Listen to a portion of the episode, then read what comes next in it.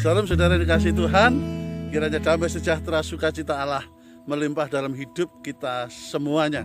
Dan hari ini kita akan merenungkan kebenaran firman Tuhan yang berjudul bahwa kasih dan pengorbanan.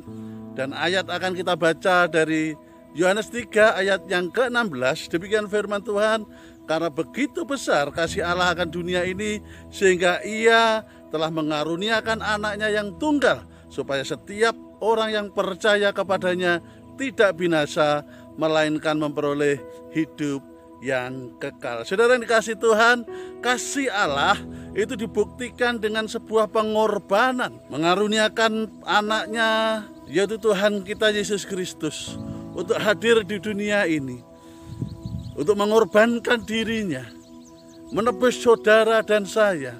Dosa kita ditanggung di atas kayu salib. Itulah wujud kasih Allah yang dibuktikan dengan pengorbanan Tuhan Yesus.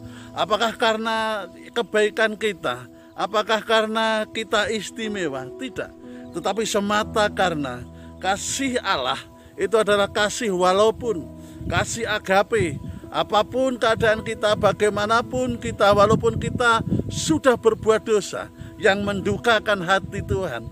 Tetapi Allah tetap mengasihi saudara dan saya, sehingga setiap saudara dan saya yang percaya kepada Dia tidak akan binasa.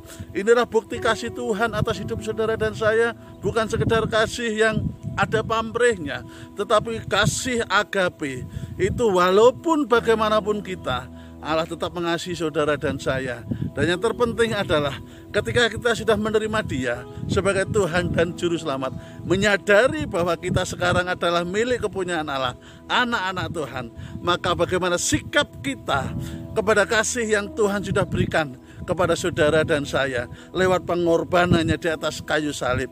Maka kita pun juga harus mengasihi sesama kita, mengasihi orang-orang di sekitar kita, mengasihi manusia siapa pun dia dan kasih itu tidak menuntut balas. Kasih itu harus tulus kita berikan kepada suami, istri, anak-anak, orang tua, keluarga kita, rekan kita, sesama manusia di mana pun kita ditempatkan Tuhan, berada di tengah-tengah orang lain.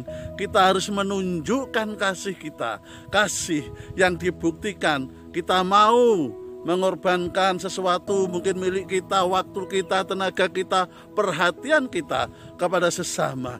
Karena itu adalah cerminan, gambaran kasih yang Tuhan sudah buktikan untuk saudara dan saya.